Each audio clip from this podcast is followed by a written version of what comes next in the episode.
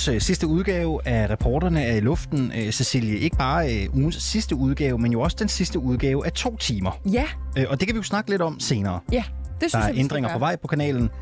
Stay tuned. Stay tuned, lige præcis. Ikke? I, I mister ikke reporterne helt, men øh, vi udvikler altså en ny øh, form for øh, radioudsendelse øh, podcast. Øh, meget mere om det øh, senere. Lige præcis. På en morgen, hvor øh, vi jo selvfølgelig også har en masse gode historier i pipelinen, øh, Cecilie, der er et øh, visumstop øh, for øh, russere øh, på vej. Øh, og vi spørger øh, her til morgen også om russiske turister. Altså russiske turister, som øh, mange jo helst ser ikke opholder sig i de europæiske lande.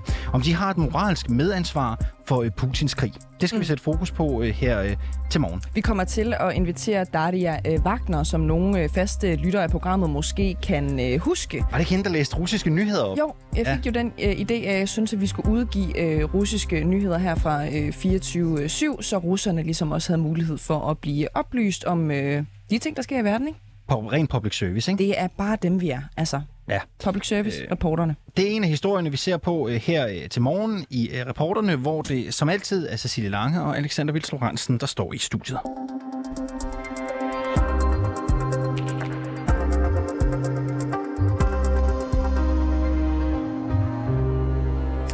Danske kommuner bruger mørklagte analyser til at retfærdiggøre besparelser på danskernes velfærd. Sådan lyder kritikken fra flere eksperter til os her på reporterne. Og når øh, kommunerne de skal spare på deres budgetter, så beder de ofte om hjælp fra blandt andre kommunernes udviklingscenter analyseinstitut. Det er det, der hedder Komponent. Det er et institut, som kommunerne i øvrigt selv ejer. Komponent de udarbejder så en konkret analyse med nogle anbefalinger til, hvordan en given kommune kan spare penge effektivt. Problemet er bare, at ingen rigtig ved, hvilket grundlag de her besparelser hviler på, og hvordan analyserne er lavet. Øh, godmorgen, øh, Karina Bundgaard. Godmorgen. Du er formand for foreningen Stop Skolemistrivsel og er tidligere kredsformand for Landsforeningen Autisme på øh, Bornholm. Jeg ved jo, at du er blandt øh, flere repræsentanter, kan man sige, for børn med, med særlige øh, øh, øh behov. Og vi har talt øh, med her på reporterne, som har set konsekvenserne af, at kommunerne bruger de her analyser til simpelthen at spare på velfærden. Øh, hvilke konsekvenser har du helt konkret oplevet, at det har fået for børn med autisme, som jo er dit specialområde? Ja, det er rigtigt. Jeg har mødt rigtig mange familier, øh, som har mærket konsekvenserne af kommunernes besparelser. Jeg har stået med rigtig mange familier med børn i mistrivelse, som ikke har fået den rette hjælp rettidigt. Og det har en stor betydning ude i virkeligheden. Og jeg vil gerne komme med et konkret eksempel, og det øh, er fra Frederiksberg Kommune, der i forbindelse med budgetforledet i 2020, øh, der sad øh, kommunalbestyrelsen og ønskede sig en analyse af det her område, altså specialundervisningsområdet.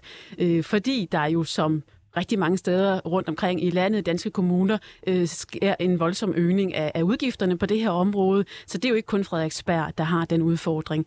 Øh, komponent, som du nævner, øh, dengang hed det KLK, de siger, jamen den opgave kan vi sagtens løfte, og de øh, finder ud af øh, fra deres skrivebord, via en konsulent, der er socialrådgiver, godt nok med noget socialvidenskab øh, oveni, at øh, det rent faktisk godt kan øh, lade sig gøre og imødekomme kommunens øh, ønske, for de havde nemlig ønsket sig en øh, effektivisering øh, i den her analyse, og det måtte rigtig gerne indeholde en besparelse på mellem 5 og 10 millioner kroner. Analysen den øh, landede på bordet med en besparelse på 7,5 millioner kroner. Så det Ja. var jo rigtig fint arbejde, kan man sige. Og hvilke konsekvenser fik det så konkret øh, i det her tilfælde? Altså, for det er jo, mange kommuner vil jo gerne spare, så mm. er der kommet et bud på, hvordan det skal ske. Og hvilke konsekvenser får det så rent? Jamen, det lyder jo rigtig lækkert. Øh, modellen er i korte træk, at man øh, bruger en skabelon, øh, hvor man kigger på indsatstrappen. Og nu bliver det lidt teknisk, fordi ude i kommunerne, der tilbyder man ydelser eller indsatser til de her børn øh, og unge i mistrivsel øh, ud fra øh, en model, der de fleste steder handler om en indsatstrappe. Og, og sjovt nok, så handler øvelsen øh, helt konkret om at bevæge sig ned ad indsatstrappen. Og det er sådan så, at nederst, der har vi de foregribende indsatser, øh, altså de lette og også de billige indsatser, og allerøverst har vi de mest indgribende øh, indsatser. Og øvelsen går i al sin enkelhed ud på, at øh, de her børn bevæger sig ned ad indsatstrappen. Og det er jo det, man så har vurderet fra øh, det her skrivebord øh, i via den her analyse, at børnene ved Frederiksberg faktisk er blevet overkompenseret. De har fået for meget støtte, viser det sig til synladende, øh, siden de nu kan bevæge sig ned ad indsatstrappen. Det synes vi jo er øh, ret godt gennemskuet. Øh, og det vi så øh, kigger ind i, fordi vi, vi, vi bliver jo interesseret i, hvad er det for en baggrund, man har vurderet det her på, det er, at vi faktisk leder højt og lavt og bredt og rigtig længe øh, efter den rette faglighed. For vi mener jo, at øh, der må noget ekspertise på bordet. Det her, det svarer jo til, at man faktisk beder for eksempel komponent om at kigge på et hospital og lave en, effektiv- en effektivisering, øh, en analyse af for eksempel kraftområdet. Og øh, de øh, analyserer kraftområdet uden at have den rette ekspertise, øh, og pludselig så skal man slet ikke have de indgribende og dyre foranstaltninger, altså de omkostningstunge øh, behandlinger, men man kan faktisk nøjes med, med noget øh, lettere behandling. Det, øh, det tænker jeg, at der er nogle læger, der vil sætte øh, ret store spørgsmålstegn ved, så, så vores øh, kritik går jo på, hvor er ekspertisen til at lave de her vurderinger. Og, og hvordan ved du, at ekspertisen ikke er der? Du nævner flere gange også i det her interview, at øh, der er nogen, som har siddet ved et skrivebord og simpelthen vurderet, og det er jo det, du siger her, at børn for eksempel med autisme, jamen de skal have mindre hjælp i stedet mm. for mere. De har mm. faktisk fået for meget, mm. vurderer man bag mm. et skrivebord. Hvordan ved du, at ekspertiserne ikke er øh, ok? Ja, jeg, jeg synes lige, vi skylder lytterne at fortælle, at de her børn, som jo mistrivsel i høj grad og i stigende grad faktisk i, i uh, skoleområdet, i almenskolen, det er jo, som vi ser, øh, os der er øh, i kontakt med, med de her familier, det er børn med udviklingsforstyrrelser som autisme og ADHD. Det er meget gennemgående. Øh, og hvordan ved vi så det? Ja, men det, det gjorde vi jo, fordi at vi kan jo se, at øh, det, det nye sort, altså det, man har en kollektiv forståelse af, er det eneste rigtige efterhånden at tilbyde de her børn, altså når man går ned ad indsatstrappen, det er de her mellemformer. Øhm, og det er det, mere, hvordan du ved, ja. Marina, det der med, at ekspertisen øh, ude... Og det øh, kommer her, okay. fordi vores øh, jagt på mellemformerne, og hvordan vi kom frem til, at det her, det var det, der var godt for alle børn, og også godt for kommunekassen, det øh, bringer os til at søge noget agtindsigt bag om den her besparelse i Frederiksberg Kommune. Og det har faktisk nu taget os øh, op mod et års øh, togtrækkeri at få lov til at, at øh, tilgå den her agtindsigt, som vi jo mener, vi absolut bør have ret til at, at få kig i. Øh, vi har været i dialog med komponent øh, voldsomt vil det længe. også sige, undskyld afbryder Karina, men vil det også sige, at I har selvfølgelig øh, lyst til at få den her indsigt i, øh, hvilke kompetencer, der rent faktisk øh, står på mål for de her meget indgribende øh, ændringer i øh, børns øh, liv, men I ved ikke, om øh, kompetencerne sådan set kan være gode nok, fordi I kan ikke få indsigt?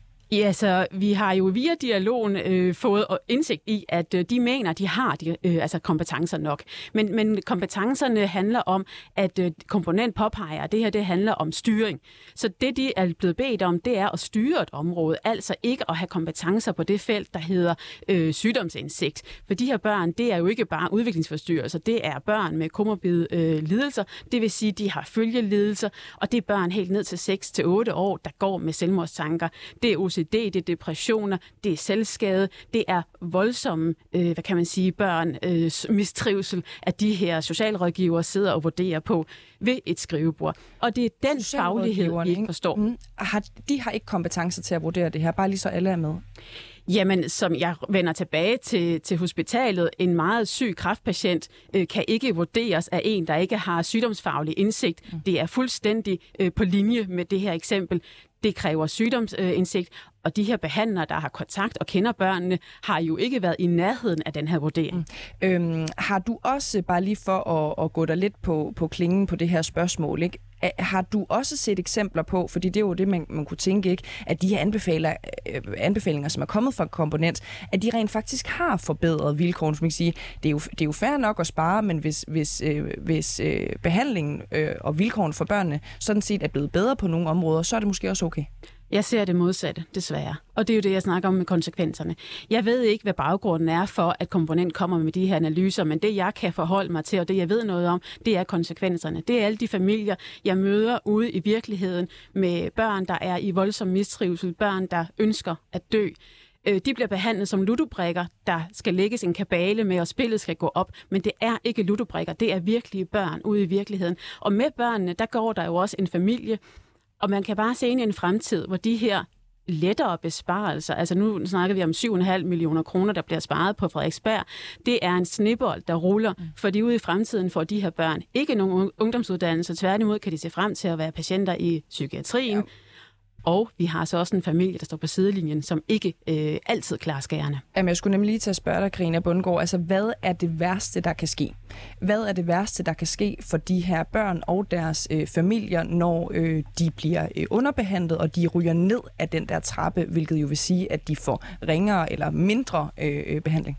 Jamen, der sker jo det, at kommunerne står med ansvaret. Så når kommunerne beder øh, komponent om at, at hjælpe øh, med at løse den her opgave, og komponent peger på den her løsning med at gå ned ad trappen, så ender vi med nogle børn, der har det markant dårligere, og det er stadig kommunernes ansvar. Så i virkeligheden, så kalder jeg det her for en bjørnetjeneste, fordi kommunernes ansvar øh, står til trone, og det er dem, der skal tage sig af børnene, og jeg ser rigtig mange, øh, og det er jo, nu snakker jeg også udenom, øh, ud, ud over Frederiksbergs øh, grænser, jeg ser rigtig mange konsekvenser, og i sidste ende, så er der jo børn, der bliver anbragt på det her grundlag. For når børn mistrives, så kigger man jo på helheden. Og rigtig mange steder, så peger man på hjemmene, som I selv har behandlet her på 24-7 tidligere i løbet af sommeren. Og det er altså det er hæftige historier. Hvad skulle motivet være altså bag det der med at ville forringe vilkårene for øh, børn med autisme? Øh, for eksempel, for man kan sige, hvis der kommer en ekstra regning i kraft af anbringelsesager, øh, du nævner selv, at øh, børn vil få det markant dårligere, du nævner selvmord osv. Mm. Hvad i alverden skulle motivet være bag øh, at forringe det her vilkår? Ja, jeg vil ikke stå her og gætte på nogens motiver. Øh, jeg synes, der bør kigges ind i den her, at nogen, der er mere kompetente det er på det har, felt. Altså, du har ja. noget bud jeg kan, jo, øh, jeg, kan jo, jeg kan jo bekymre os over, at, øh, at man ser en, en måske direkte, det synes vi i hvert fald også, der står og kigger her på sidelinjen, at der er en direkte sammenhæng mellem den budgettering, der findes ude i kommunerne, og så den måde, man administrerer et område på. Det vil sige, når chefen kommer ind ad døren eller på et møde, fortæller sine øh, medarbejdere, at øh, fremover der har vi øh, noget mindre forbrug på det her område. Det tror vi, øh, der står her på sidelinjen, er et markant vink med en vognstang, som man som sagsbehandler sagtens kan forstå.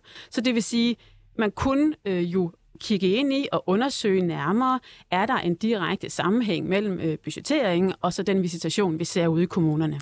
Karina øh, Bundgaard, øh, tak fordi du var med øh, her til morgen, altså formand for foreningen Stop Skolemistrivsel og tidligere kredsformand for Landsforeningen for Autisme på Bornholm. Helt tak. Og jeg siger også lige, at vi har forelagt øh, kritikken for Frederiksberg Kommune, men de er altså ikke vendt tilbage på vores henvendelse. Og som vi også hører i interviewet her, så er det ikke kun Frederiksberg, der har brugt komponent til at finde besparelser i kommunerne. På Komponents hjemmeside fortæller en social- og sundhedsdirektør i Morsø Kommune blandt andet, at kommunen på baggrund af komponents anbefalinger har kunne skære gevaldigt ned på hjælpen til voksne med handicap. Blandt andet ved at halvere mængden af bostøtter, der hjælper borgere med betydelig fysisk eller psykiske funktionsnedsættelser med genoptræning og støtte.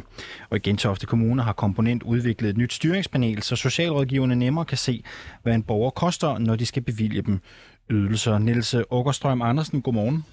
Godmorgen. Du er professor i politisk ledelse, det er du på Copenhagen Business School. Hvilken indflydelse har de her analyser for de besparelser, som bliver foretaget ude i kommunerne?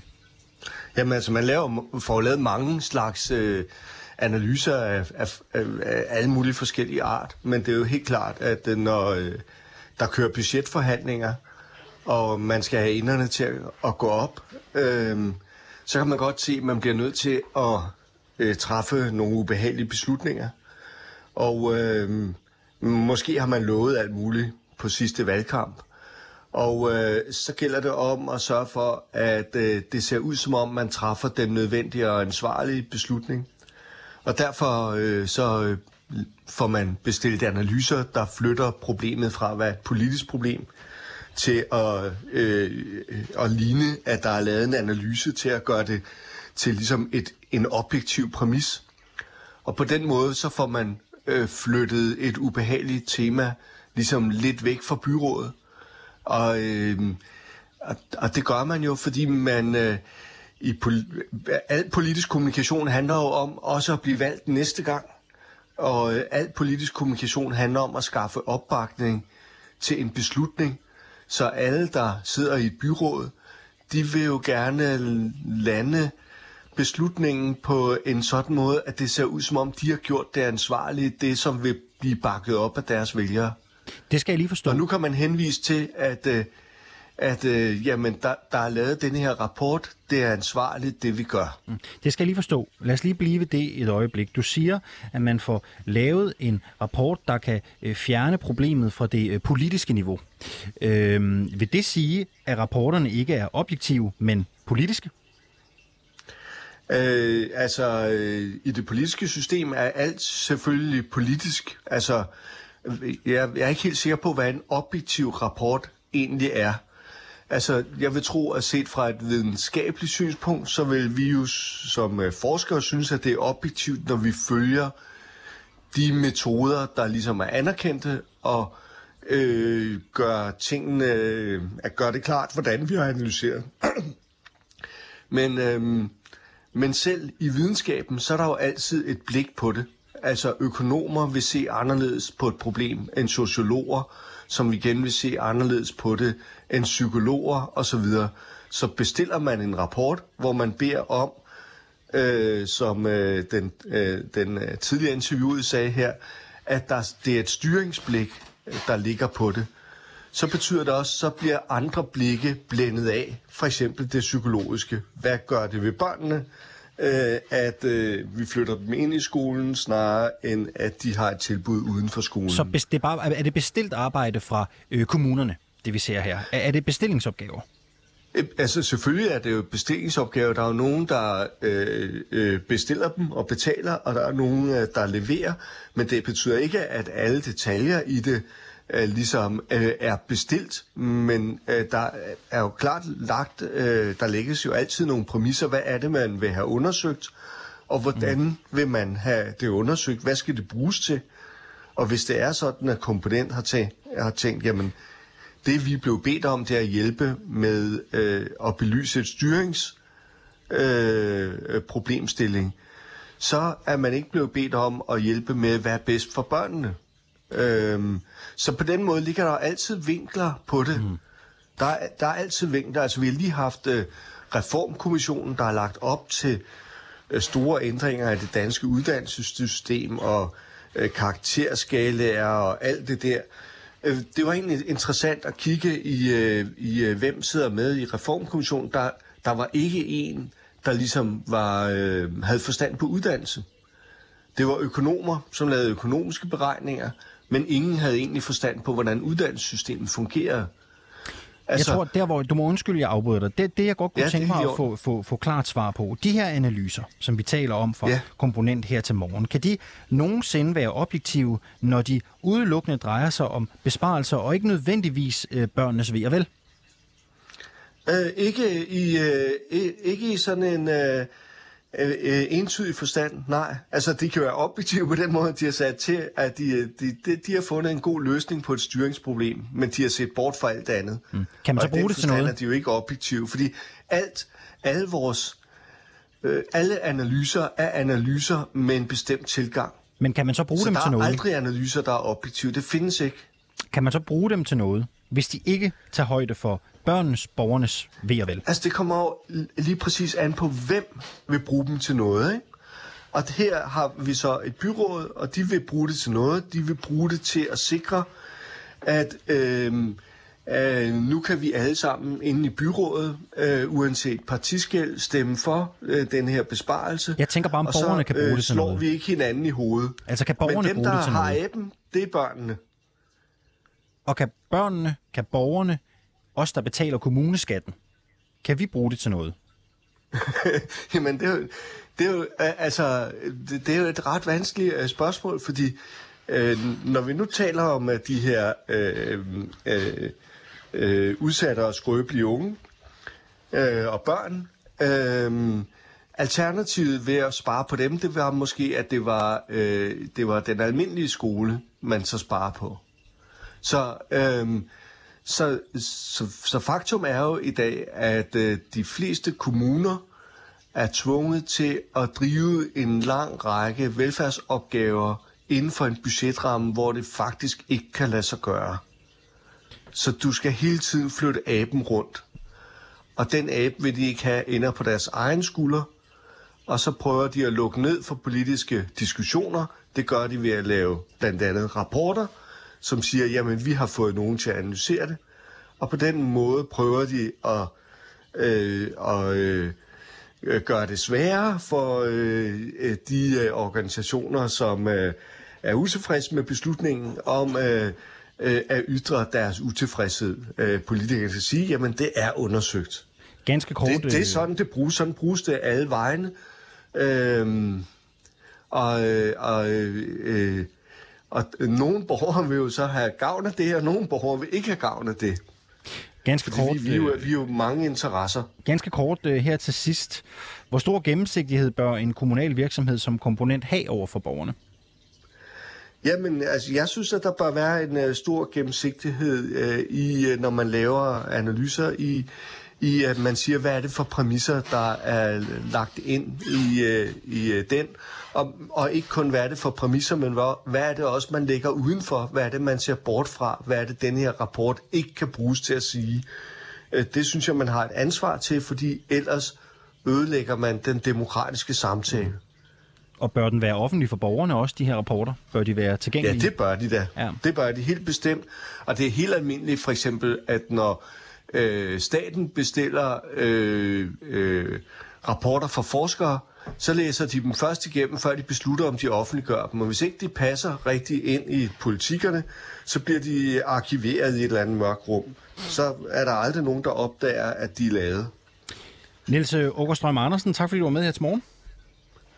Velbekomme. professor i politisk ledelse på Copenhagen Business School. Vi har desuden talt med Olof Jørgensen. Han er forskningschef emeritus på Danmarks Medie- og Journalisthøjskole, og han mener også, at offentligheden bør have fuldstændig indsigt i analyserne, metoderne og fagligheden bag, som Åkerstrøm Andersen siger her, da den demokratiske kontrol ellers bliver sat ud af spil. Men hvordan øh, komponent kommer frem til, at øh, kommunerne i stor stil kan spare på alt fra støtte til voksne med handicap til specialskolepladser øh, til børn med autisme? Det må offentligheden altså ikke få øh, at vide, fordi på trods af øh, ombudsmanden to gange har fastslået, at komponent er underlagt offentlighedsloven, så nægter man altså stadigvæk at give fuld agtindsigt i deres øh, analyser. Jonathan øh, Slås, øh, godmorgen. Godmorgen. Du er direktør for kommunernes fælles øh, udviklingscenter. Det er det, der hedder øh, Komponent. Øh, Jonathan Schloss, hvorfor vil I ikke give agtindsigt i de metoder, som ligger til grund for jeres øh, analyser? Jeg tror lige, jeg skal korrigere din, din, øh, din start. Altså, det er os selv, der har besluttet, at vi er underlagt aktindsigt. Det er ikke ombudsmanden, der har besluttet det, men, men det er en detalje. Øh, man kan få indsigt i de øh, rapporter og de ting, vi har sendt til Frederiksberg Kommune. Det kan man få ved at bede os også, fordi vi er underlagt aktindsigt. Man kan også få det ved at bede kommunen om det, fordi også underlagt aktindsigt. Så det her med, at borgerne kan få adgang vores rapport, som den tidligere indslag handlede om, det, det passer simpelthen ikke. Det, det kan man. Øhm, Jonathan Schloss, lad os lige prøve at skære ind til benet her. Ja. Øhm, det er jo ikke som sådan nogle virksomheder, der øh, selv vurderer, øh, hvorvidt de er underlagt øh, offentlighedsloven. Og grund til, at jeg nævner ombudsmanden, det er jo netop, fordi han to gange har fastslået, at I er forpligtet til at, at udlevere de her informationer. Og det er altså det, som I ikke synes er fair at gøre i alle øh, hensener. Prøv lige, og jeg spørger lige igen, hvorfor vi ikke give agtindsigt i de metoder, som ligger til grund for jeres analyser? Ja, og, jeg kan tage lige. Øh, ombudsmanden har spurgt os, om vi synes, I er underlagt aktindsigt. Det har vi sagt, det er vi, og så tager vi det til efterretning, og så øh, går sagen så videre i forhold til, hvilke detaljer skal så udleveres. Det er det, det, den aktuelle diskussion mm-hmm. handler om. Men når vi ikke udleverer alt vores interne materiale, øh, så handler det jo om, at vi agerer på et, et frit marked. Altså, der er mange firmaer, som laver øh, den her slags analyse. Der er Deloitte og BDO og Implementer og alle mulige andre konsulenthus, og de er ikke underlagt aktindsigt. Altså, Nej. der kan du ikke få udleveret noget som helst, heller ikke rapporten. Så hvis vi fremlægger, kan man sige, øh, alle detaljer i, hvordan vi arbejder internt, så giver vi jo konkurrenterne en, en markedsfordel, for vi kan ikke få noget at vide om dem. Vi er sådan set de eneste, hvor du kan få udleveret rapporten, det er hos os. Og, og, men det er I jo. I er jo underlagt det offentlighedsloven, det øh, er I selv øh, friske på, og det er ombudsmanden øh, også øh, enig ja. i. Så hvordan kan det så være, at øh, der er detaljer i øh, jeres metoder for eksempel, som I ikke vil øh, udlevere? Jamen, det fremgår jo af øh, loven, at der kan være forskellige grunde, der kan være forskellige ting, der Og hvad er din øh, grund så, Jonas Sloss? Jamen, vi har to. Det ene, det er øh, GDPR-regler. Altså, hvis vi får personfølsomme data i forbindelse med vores arbejde, så må vi ikke udlevere det, og vi skal slette det, når øh, rapporten er slut, og det gør vi også. Og det andet, det er det, der hedder forretningshemmeligheder, altså hvor hensynet til os som virksomhed i forhold til konkurrence med andre øh, virksomheder taler for det. Det, som vi jo taler øh, meget om i dag, det er jo en stor interesse for, hvilket man jo godt forstår, det er, hvilken faglighed har de mennesker, som sidder inde hos øh, komponent og finder ud af, hvilke besparelser, der skal nedlægges øh, over en kommune for eksempel. Hvilke faglighed har de mennesker, som kommer med de her rapporter? Hvorfor kan man ikke få indsigt i det? Altså, man kan jo gå ind på vores hjemmeside og se, øh, hvem vores medarbejdere er, og hvad deres baggrund er. Det, det er fuldt offentligt transparent. Øh, og det, man vil kunne se, det er, øh, du kan se deres LinkedIn-profiler osv., det er, de har typisk en baggrund som chef eller konsulenter fra kommuner øh, på de områder, de nu arbejder med. Så hvis man får en analyse på sundheds- og ældreområdet, så vil det typisk være af en person, der tidligere har været sundhedschef eller konsulent på sundhedsområdet i min kommune. Hvis man får analyse på skoleområdet, så vil det typisk være nogen, der har været skolechefer eller konsulenter på skoleområdet. Øh, det, det er det, der er det særlige ved os, for hvis man beder om analyser på for andre firmaer, så, så er det ikke folk, nødvendigvis har indgående kendskab til det kommunale fagfelt. Er det et problem, synes du egentlig selv? Altså, at øh, der nogle gange sidder at nogle vi, eksperter og udarbejder de her rapporter. Nej, mere at øh, de måske nødvendigvis ikke er øh, konsulenter, som ved noget om, hvad der er bedst for børnene. Jamen, det kommer jo an på, hvad det er for en analyse, man bestiller. Ja, hvis det for øh, eksempel altså, er en analyse, som handler om, øh, øh, hvordan børn har det, om de skal have mere eller mindre hjælp, fordi de har autisme for eksempel. Synes du så selv, det er et problem, øh, hvis jeres eksperter eller øh, konsulenter ikke har nogen faglighed på det område? Hvis man bestiller en analyse, der handler om børns trivsel under forskellige vilkår, så skal du have folk, der har forstand på det. Hvis du bestiller en analyse, der handler om strukturen på øh, skoleområdet, så skal du have folk, der har forstand på det. Øh, og den her rapport, som jeg kan forstå, I, I behandler her, den handler ikke om børns trivsel. Det er ikke en trivselsundersøgelse. Det er en skolestrukturanalyse øh, og, en, og en økonomirapport, og dem, der laver den, har forstand på det. Mm. Vi hørte lige vores ekspert her sige, at jeres analyser aldrig kan være objektive, øh, men altid er politiske, fordi de jo konsekvent fører til konkrete besparelser ude i kommunerne. Du er selv på, inde på det nu her. Det er sådan set en øh, rapport, en konklusion, som handler om skoleområdet og ikke om børns øh, trivsel. Øhm, vil du vurdere, at jeres analyser er objektive? Jamen, det kommer jo helt an på, hvad vi bliver bestilt til. Altså, vi, andre gange bliver vi bestilt til at lave en kulturanalyse blandt medarbejderne i en kommune. Der er ikke nogen tal involveret overhovedet. Det er rent, kan man sige, sociologi og den slags ting, vi, vi arbejder med. Det er arbejdsmiljø og så videre. Så det kommer jo helt an på, hvad, hvad er det, kommunen ønsker undersøgt. Øh, og vi forholder os øh, til, hvad det er, kommunen ønsker belyst. Der er jo typisk en problemstilling, som kommunen gerne vil have løst. Øh, man kan altid diskutere særligt sådan videnskabsfilosofisk og etisk, hvad er objektivitet og og det, som vi forholder os til, det er, hvad er det, kommunen ønsker undersøgt, og det er det, vi prøver at belyse. Mm. Har I egentlig nogensinde altså, lavet en analyse, øh, hvor, hvor I ikke kunne finde væsentlige besparelser i en eller anden kommune? Ja, vi har her for nylig lavet en analyse, hvor vi måtte sige til kommunen, at vi tror, at I uh, bruger for få penge og har for få mennesker ansat til det her område. Og det har vi sagt til det pågældende byråd. Mm. Vil du vurdere, altså når jeres analyser gang på gang, og det er også de sager, vi sidder med øh, i dag, fører til konkrete besparelser øh, på borgernes øh, velfærd, øh, er de så objektive, eller er de politiske?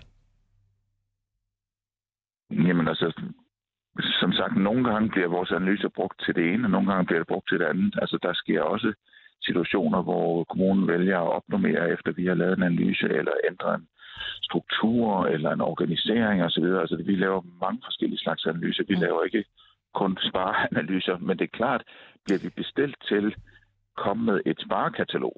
Det er bare øh, så laver vi et sparekatalog. Jeg tror, det er bare lige et ja eller nej spørgsmål, øh, hvad hedder det, svar, ja. vi, vi er interesseret i lige på den her nemlig.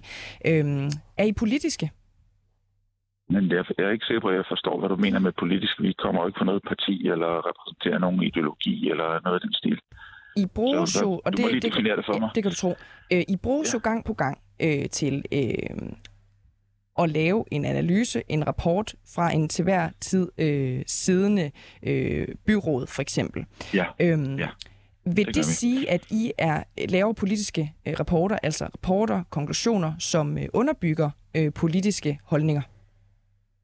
Nej, det kan jeg ikke genkende. Altså, så kan kommunen jo bare lave den selv, hvis de ved, hvad de vil. Det, vi bliver bestilt til, det er at analysere og belyse og undersøge området og komme med forslag til et. Øh, lad os nu antage her, øh, øh, vi bliver bestilt til, I skal lave en analyse, der når frem til præcis dette resultat af denne struktur. Altså, så giver det jo ikke nogen mening at bruge penge på os. Øh, kommunen er jo aldrig forpligtet til at lave analyser af noget. Altså, der hvor vi bliver brugt, det er, fordi de ønsker belyst nogle ting, som de ikke selv synes, de er ved nok om, eller har ressourcer til at undersøge. I bliver jo betalt af kommunerne, ikke? I er endda øh, ejet af øh, kommunernes landsforening. Øhm, så med det en mente, kan du øhm, genkende, hvis nogle kritikere måtte mene det, at I bliver øh, købt og øh, betalt til at lave en form for analyse, som underbygger det, som det siddende byråd nu måtte mene? Altså, jeg tror, der findes jo ikke nogen konsulentfirmaer, som ikke bliver betalt øh, af dem, der nu køber dem. Altså, det er vel præmissen. Når man køber et konsulentfirma, så definerer man, hvad er det, man gerne vil have undersøgt. Men er det så, Øhm, serverer I ikke bare det resultat, der får kommunen og byrådet til at fremstå bedst muligt? Øh, nej, det gør vi ikke. Det kan du ikke købe hos os.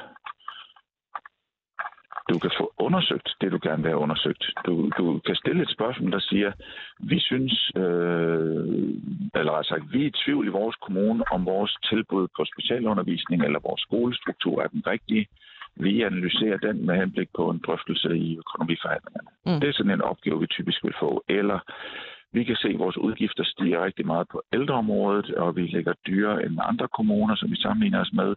Øh, Kan I belyse årsagen til det, og hvilke ting vi kan gøre? Altså, det er sådan nogle ting, vi typisk bliver bliver spurgt om at analysere. Øh, hvad skal der til for, at I vil øh, give agtindsigt i jeres metoder og i jeres øh, faglighed endnu jer? Jamen, vores faglighed kan du se ved at gå ind på hjemmesiden, så kan du se, hvem der er ansat. Og Og hvis man alligevel kan se det, hvorfor står du så ikke bare, øh, hvorfor siger I ikke bare, jamen det er fint nok, og, og så giver accepterer agtindsigten, når, når I modtager den? Jamen, det er jo den, jeg startede med at sige. Øh, Vi er i konkurrence med en hel masse andre firmaer, som laver præcis de samme analyser, og hver firma har sin egen metode og sin egen specialer, med så må sige. Og vores speciale det er, at vi kender kommunerne rigtig godt. Vores, kommunale, vores medarbejdere har typisk en kommunal øh, erfaringsbaggrund. Øhm, og, og præcis hvordan vi arbejder, præcis hvilke talanalyser osv. vi laver, dem, dem holder vi for os selv, og så den kommune, vi arbejder for. Mm. Og det samme gør alle de andre firmaer. De har heller ikke lyst til at fortælle præcis, hvad der er det særlige ved dem. De er jo så heller ikke underlagt offentlighedsloven, kan man sige. Nej, vel? vi er, vi, er, vi er de eneste, hvor du kan Ja. få noget udleveret. Det er, Er der andre lovgivninger, som I ikke vil overholde? Vi overholder alle de lovgivninger, vi skal.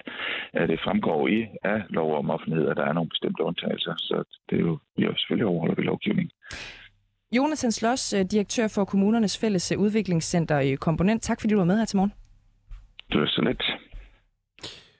Ombudsmanden er lige nu ved at øh, behandle anmodningen om agtindsigt i komponents analyser for tredje gang, og øh, vi bringer øh, naturligvis svaret, når det foreligger.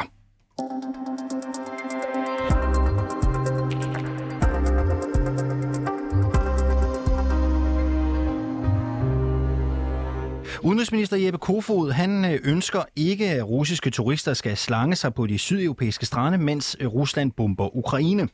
Derfor vil han forhindre, at russere kan få turistvisum til Danmark. Det drøftede han med Udenrigspolitisk Nævn torsdag, og senere på måneden vil udenrigsministeren tage sagen op i EU-regi, hvor han håber på, at de andre medlemslande vil bakke op om et fælles forbud på tværs af unionen. Kofod er opmærksom på, at et indrejseforbud kan ramme de forkerte, eksempelvis systemkritikere i Rusland, som gerne vil ud af landet. Det fortæller han til vores kollega Mathias Stilling, da Udenrigspolitisk Nævn var færdig med deres møde på Christiansborg. Han spurgte, om regeringen overhovedet har et flertal på Christiansborg til at stoppe indrejsen for russiske turister. Ja, altså prøv at høre, jeg synes, det er vanvittigt provokerende, at øh, russiske turister ligger og slanger sig på Europas strande, alt imens at øh, Rusland sønderbomber ukrainske byer, og der foregår slagtning af civile og krigsforbrydelser. Og derfor så er det min klare holdning, at vi skal have et, øh, vi skal begrænse øh, turister som kan rejse ind fra Ruslands side i Europa, og det vil jeg så tage med til mine europæiske kolleger for at få en fælles EU-linje på det. Øh, jeg har allerede øh, talt med flere af dem, øh, de andre udenrigsminister fra andre lande om det, nordiske og andre lande, øh, så det vil vi drøfte her øh, senere på måneden, når vi mødes. Øh, og jeg er glad for, at i Udenrigspolitisk Nævn, at der er en, en, en opbakning til, at vi skal sætte ind her også. Selvfølgelig på en måde, hvor vi sikrer, at øh, de russere, det kan være dissidenter, demokratiforkæmpere, øh, mediefolk og andre, som, som øh, har et andet ærne, øh, at vi kan selvfølgelig stadigvæk, øh, at de har mulighed for at rejse ud af Rusland. Øh, opposition til, til Putin og hans, øh, hans regime. Det er jo kun et øh, lavt øh, 60-cifret øh, tal russere, som har fået turistvisum i, øh, i Danmark i år. Øh, hvor stort et problem er det her i Danmark? Jamen, det er øh, øh, mest effektfuldt, og derfor jeg øh, vil jeg arbejde for en fælles europæisk linje, fordi det er det, der gør en forskel, fordi det er fuldstændig korrekt. Der er ikke mange russiske turister i Danmark, men gør vi det samlet fra EU's side, ligesom når vi laver øh, sanktioner, vi har vedtaget syv sanktionspakker i EU, øh, så får det en effekt, både konkret i antallet af turister, de skal ikke ligge sig og slange sig på sydeuropæiske strande, øh, men også signalet til øh, Putin, til Rusland om, at, øh, at vi på alle fronter sætter ind for at få stoppet den brutale brutal og forfærdelig krig i Ukraine. Hvorfor er det lige nu, I gør det? Fordi ja, det provokerer mig at uh, se russiske turister uh, ligge på strandene, gå på restauranterne, mens uh, landet sønderbomber ukrainske byer og civile bliver dræbt uh, i en forfærdelig krig midt i Europa, som Rusland har startet og har ansvaret for. Så det skal, det skal vi reagere over for, og det gør vi så også nu. Men er de her uh, russiske turister en trussel for Danmark? Øhm, det tror jeg ikke, det er, men jeg synes, det er vigtigt at sende et signal til Rusland, til russerne, om at det, de har gang i Ukraine, den ulovlige, brutale angrebskrig, den skal stoppes. Og vi øh, tager alle midler i, i brug for at få den stoppet. Våbenhjælp til ukrainerne, så de kan forsvare sig selv. Økonomisk hjælp til ukrainerne. Men også det, at vi vil begrænse, øh, russerne kan rejse som turister i Europa, alt imens deres land er i gang med en ulovlig angrebskrig i Ukraine. Hvad hvis øh, Serbien angriber Kosovo? Skal vi så også lukke døren for serbiske turister i Danmark? Jeg, sådan nogle, jeg tror, vi må... Øhm, sådan nogle hypotetiske spørgsmål vil jeg, vil, jeg, vil jeg ikke svare på nu. Jeg vil sige generelt set, så er det vigtigt for mig, at vi står vagt om europæiske landes suverænitet og territorial integritet og frihed. Altså vi har en situation, hvor vi har set Rusland bryde alle deres forpligtelser og normer og regler. Angrebet et frit demokratisk land, Ukraine. Hvis andre kunne finde på at, at kopiere det i en eller anden form, så skal vi reagere skarpt fra øh, europæisk side, og der vil Danmark og jeg selv øh, være i front i sådan en reaktion. Men hvad det konkret bliver, det vil jeg, det vil jeg reservere til, hvis den tid måtte ske. Så det er ikke et ja eller et nej nu? Øh, et, et, altså, det er ikke noget svar på, hvad vi skal gøre. Vi skal gøre det, der er effektivt til den tid, hvis det sker. Lød det fra udenrigsminister Jeppe Kofod, altså fra Socialdemokratiet. Og lad os øh, drible videre, fordi forslaget om at lukke for turistvisum til russere vækker bekymring hos dig, øh, Daria Wagner. Godmorgen. Godmorgen. Du er jo fra Rusland, øh, Daria, og har øh, boet her i Danmark siden 2000. Øh, hvilke problemer kan du se ved at øh, lukke for turistvisum til øh, russerne? Turistvisum det er desværre den eneste mulighed for politisk forfulgte inde i Rusland at flygte ud af, ud af Rusland ind til EU. Så det kan utilsigtet gå ud over øh, kategorier som for eksempel de unge mænd, der flygter fra krigen. For, altså fra at ikke skulle blive draftet ind i militæret og skulle slå ukrainer ihjel. Det kan også gå ud over uafhængige journalister, og menneskerettighedsforkæmpere og oppositionsfigurer. Reelt i, i praksis har jeg allerede oplevet på første hånd, at man giver afslag på et turistindrejsevisum via Danmark til oppositionsfigurerne i Rusland. Det er sket allerede tilbage i maj og juni måned. Kan du ikke lige, øh, Daria Wagner, prøve at, at sætte os ind i, om kender du til russere, som har forsøgt at bruge turistvisum til at flygte fra Rusland til Danmark?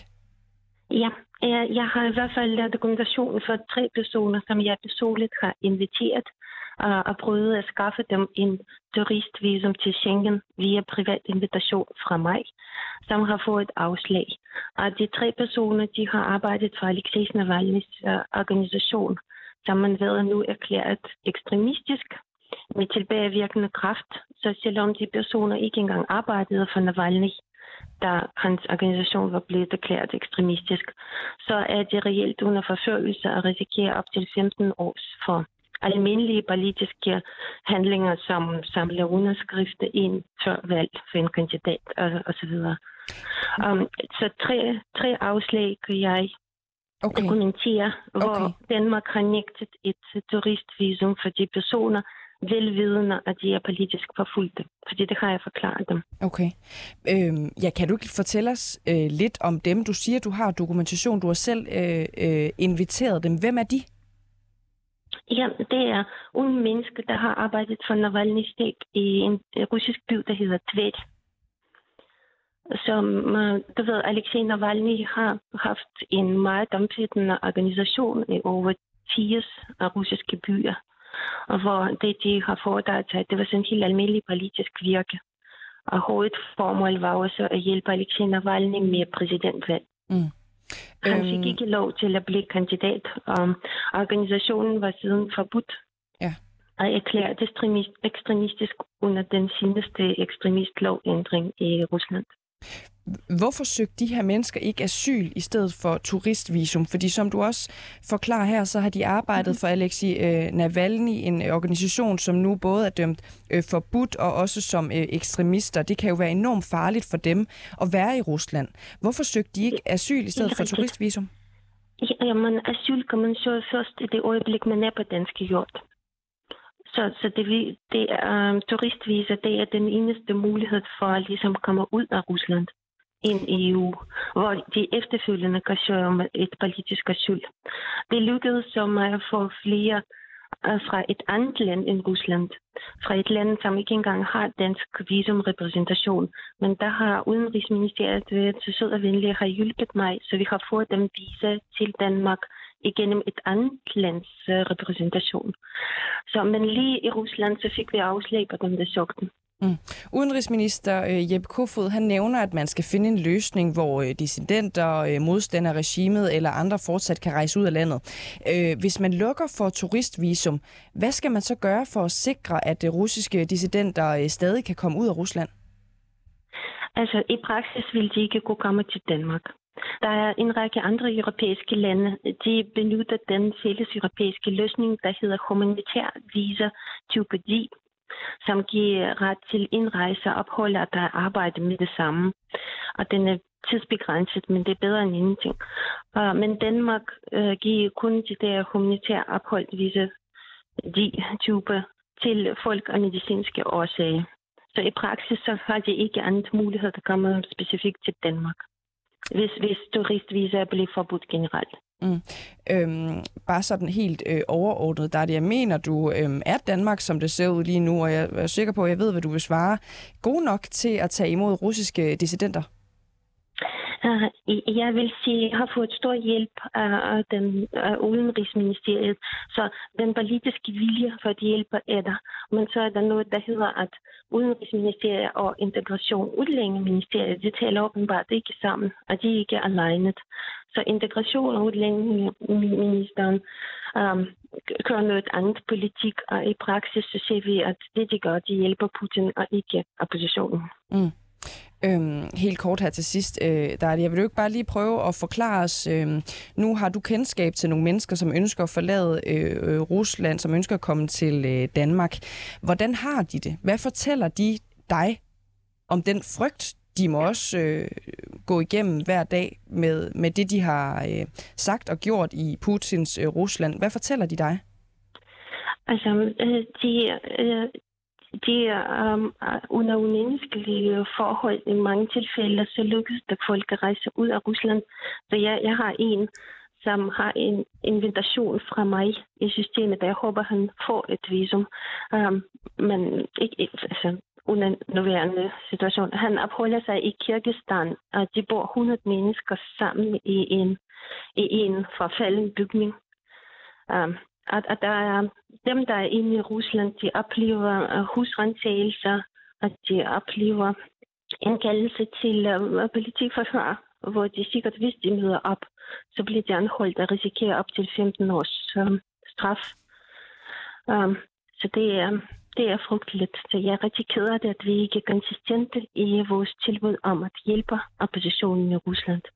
Daria øh, Wagner, øh, tusind tak, fordi du var med os øh, her til morgen. Du er altså fra Rusland, men har boet i Danmark siden øh, år øh, 2000. Senere på morgen så skal vi høre enhedslisten, altså hvad de mener om øh, civile russers ansvar for invasionen af Ukraine. Det er øh, cirka ja, lige om øh, 30 minutters penge eller sådan noget, Alexander. Mm. Nu kan vi sige godmorgen til dig, Katrine Stevenhøj. Godmorgen. Du er phd studerende ved Københavns Universitet, hvor du forsker i protestbevægelser, politisk aktivisme og immigration i Rusland og Belarus. Du kender fra din forskning også til konkrete tilfælde, hvor russere har forsøgt at bruge turistvisum til at komme ud af Rusland og til andre EU-lande. Hvad drejer det sig om, eller undskyld, hvem drejer det sig om selvfølgelig i de tilfælde, du kender til? Jamen, der er i virkeligheden øh, en, en bredere vifte af tilfælde. Der er både dem, som bruger øh, turistvisum til at øh, komme ind i et Schengenland, hvor de så derfra søger politisk asyl. Øhm, og det drejer sig både om politiske aktivister eller personer, der er med i organisationer i Rusland og har været i under myndighedernes søgelys i længere tid, og altså har en dokumenteret øh, grund til at have den her frygt, som det jo kræver for at, øh, at få asyl. Øh, men det drejer sig også om nogen, som, øh, som har en politisk holdning, som er på kant med regimet, men ikke nødvendigvis er personligt forfulgte altså ikke kan dokumentere, at de faktisk har ret til asyl. Øh, men de bruger så øh, turistvisum til at, øh, at komme ud af Rusland og derfra øh, få opholdstilladelse på anden måde, altså søge job i udlandet eller noget andet. Øh, så der er altså to kategorier, hvor man kan sige, at dem, som, dem, som har det her begrundede frygt, de kan jo så faktisk godt få få asyl. Øh, der er bare større chance for, at det lykkes, hvis man er, er i landet i forvejen. Og, øh, og altså ikke bare rejser øh, og så søger asyl i lufthavnen. Og hvilke konsekvenser får det for de her mennesker, hvis man nu lukker for øh, turistvisa til øh, russere? Altså det får den konsekvens, at det er ligesom øh, vi også hørte dig sige tidligere, at det simpelthen bare bliver sværere at, øh, at få asyl eller at få øh, politisk ophold. Um, og man kan sige, at det rammer nogle af dem, som, som ikke nødvendigvis er uh, direkte forfulgte, men, men har en kritisk holdning til regimet. Uh, så de må jo vælge at, at blive i Rusland og så øh, tige stille, fordi man kan ikke rigtig... Øh, gøre begge ting, altså både blive i Rusland og, øh, og tale højt om sin modstand til krig, fordi så, så ryger man i, i fængsel eller øh, får en øh, stor bøde. Ja. Altså kan det være farligt for de her mennesker, hvis de ikke længere kan få øh, et, et turistvisum? Altså ja, det har vi jo set, ikke? Altså hvis de vælger at blive og vælger at engagere sig i, i, i politik, uh, oppositionspolitik, uh, så ja. Ja, hvad er det, vi kender til for eksempler der? Kan, kan du nævne et par stykker? Jamen, vi har både set øh, sådan privatpersoner, men også øh, oppositionspolitikere, som har været ude og ytre deres øh, modstand mod krigen, som så er blevet anholdt og sigtet og risikerer eller har fået domme på, øh, på op til, til 15 års øh, fængsel øh, på grund af det. Øhm, så ja, det er jo et, øh, det er en risiko for dem. Normalt så øh, søger øh, flygtninge jo øh, asyl. Øhm, hvordan kan et øh, turistvisum være en hjælp øh, holdt over for asyl? Jamen, det er en hjælp i den forstand, at de så øh, allerede har mulighed for at forlade landet, øhm, og altså, at derved allerede er ude af Rusland. Øhm, og der er noget, nogle studier, der peger på, at der er større chance for at få altså politisk asyl, hvis man allerede opholder sig i landet, modsat hvis man altså søger det i lufthavnen eller i transit, som man jo kan uden visum. Øhm, men ja, det er jo ikke fordi, at øh, den russiske sag adskiller sig markant fra alle mulige andre der søger asyl fra øh, politiske diktaturer. Øh, det er mere fordi, vi har ændret situationen lige pludselig. Øhm, hvilke overvejelser mener du, øh, politikerne bør gøre sig, inden man øh, lukker for muligheden for turistvisum for russere? Jeg synes, det er svært at komme med en faglig vurdering af en diskussion, som i høj grad er en moralsk diskussion. Altså, når jeg lytter til den, den her diskussion, der foregår, så, så er det som om, der, der er to former for argumentation. Der er den her altså meget forståelige argumentation, at det kan ikke passe, at, at øh, russere kan rejse som turister rundt i Europa, når der er en krig i Ukraine. Øhm, og så er der også samtidig argument med, at systemkritikerne bør blive tilbage og, og kæmpe, eller være med til at op, øh, opbygge landet igen. Øh, det, det er dog lidt at være modig på andre menneskers vegne.